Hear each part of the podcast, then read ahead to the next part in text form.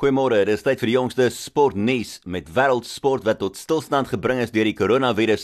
Is dit die Britse gesondheidssekretaris Matt Hancock wat gesê het dat Engelse Premierliga sokkerspelers 'n salarisverlaging moet aanvaar om hulle deel te speel tydens die koronaviruspandemie, terwyl die professionele sokkersspelersvereniging ook gesê het dat die spelers die finansiële las sal moet deel.